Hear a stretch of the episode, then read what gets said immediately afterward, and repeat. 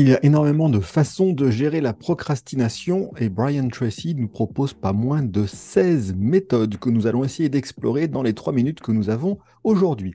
Bienvenue, vous êtes sur le podcast J'ai pas le temps pour ça, où on explore des méthodes, des trucs et des astuces pour être plus efficace et finir la journée plus tranquillement. Quelles sont ces 16 méthodes proposées par Brian Tracy? La première, pensez sur papier, notez tout ce que vous avez à faire, suivez bien les différents éléments pour ne rien oublier. Deuxième proposition, vous verrez que les propositions sont potentiellement contradictoires, mais pas celle-ci. Rassemblez tout ce dont vous avez besoin avant de démarrer, vous serez plus efficace et vous aurez tout à portée de main. Troisième proposition, commencez par une petite chose pour lancer la machine. Mettez-vous en forme, c'est un peu le diesel, et ce sera plus facile pour la suite.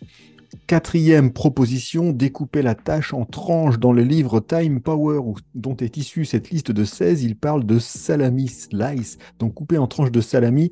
Oui, c'est plus efficace quand vous allez partager sur des petits éléments sur lesquels vous allez pouvoir agir. C'est vrai généralement pour les plus gros projets. Autre proposition, utilisez la technique du gruyère. La technique du gruyère, il y a plein de trous et donc vous allez faire des trous dans chaque partie, dans chaque activité. Donc préparez aussi des pauses. Sixième possibilité sur les 16, commencez par l'extérieur avec des petites tâches et revenez au fur et à mesure vers le centre pour être plus efficace.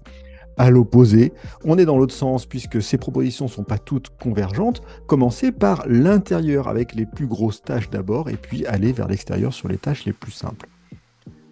Numéro 8, faites d'abord la tâche qui vous cause le plus d'anxiété. Une fois que vous aurez passé celle-ci, ce sera plus simple pour le reste. Ce qui est assez lié, la numéro 9, commencez la journée avec la tâche la plus désagréable. On y revient dans un autre épisode, mais il parle de manger la grenouille en bon anglais, et je vous expliquerai ce que ça veut dire très concrètement.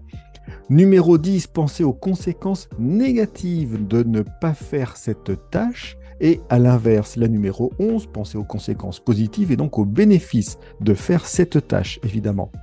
Numéro 12, réservez juste 15 minutes dans la journée pour travailler sur votre projet. On est assez proche des Atomic Habits où là on était sur du 2 minutes, mais réservez une petite plage de temps pour être sûr que vous allez quand même avancer un petit peu. On n'est pas très loin non plus du Pomodoro dont on parle dans d'autres épisodes. Numéro 13, résistez à la tendance d'être perfectionniste, faites de votre mieux et avancez. Numéro 14, choisissez un domaine où la procrastination vous gêne particulièrement et travaillez sur celui-ci spécifiquement. Numéro 15, développer une attirance pour la clôture. En bon anglais, compulsion for closure. Vous avez vraiment envie d'y aller et d'avancer. Vous savez, cet excès de dopamine quand on va juste cocher la case et dire ça y est, c'est fait. Travaillez là-dessus.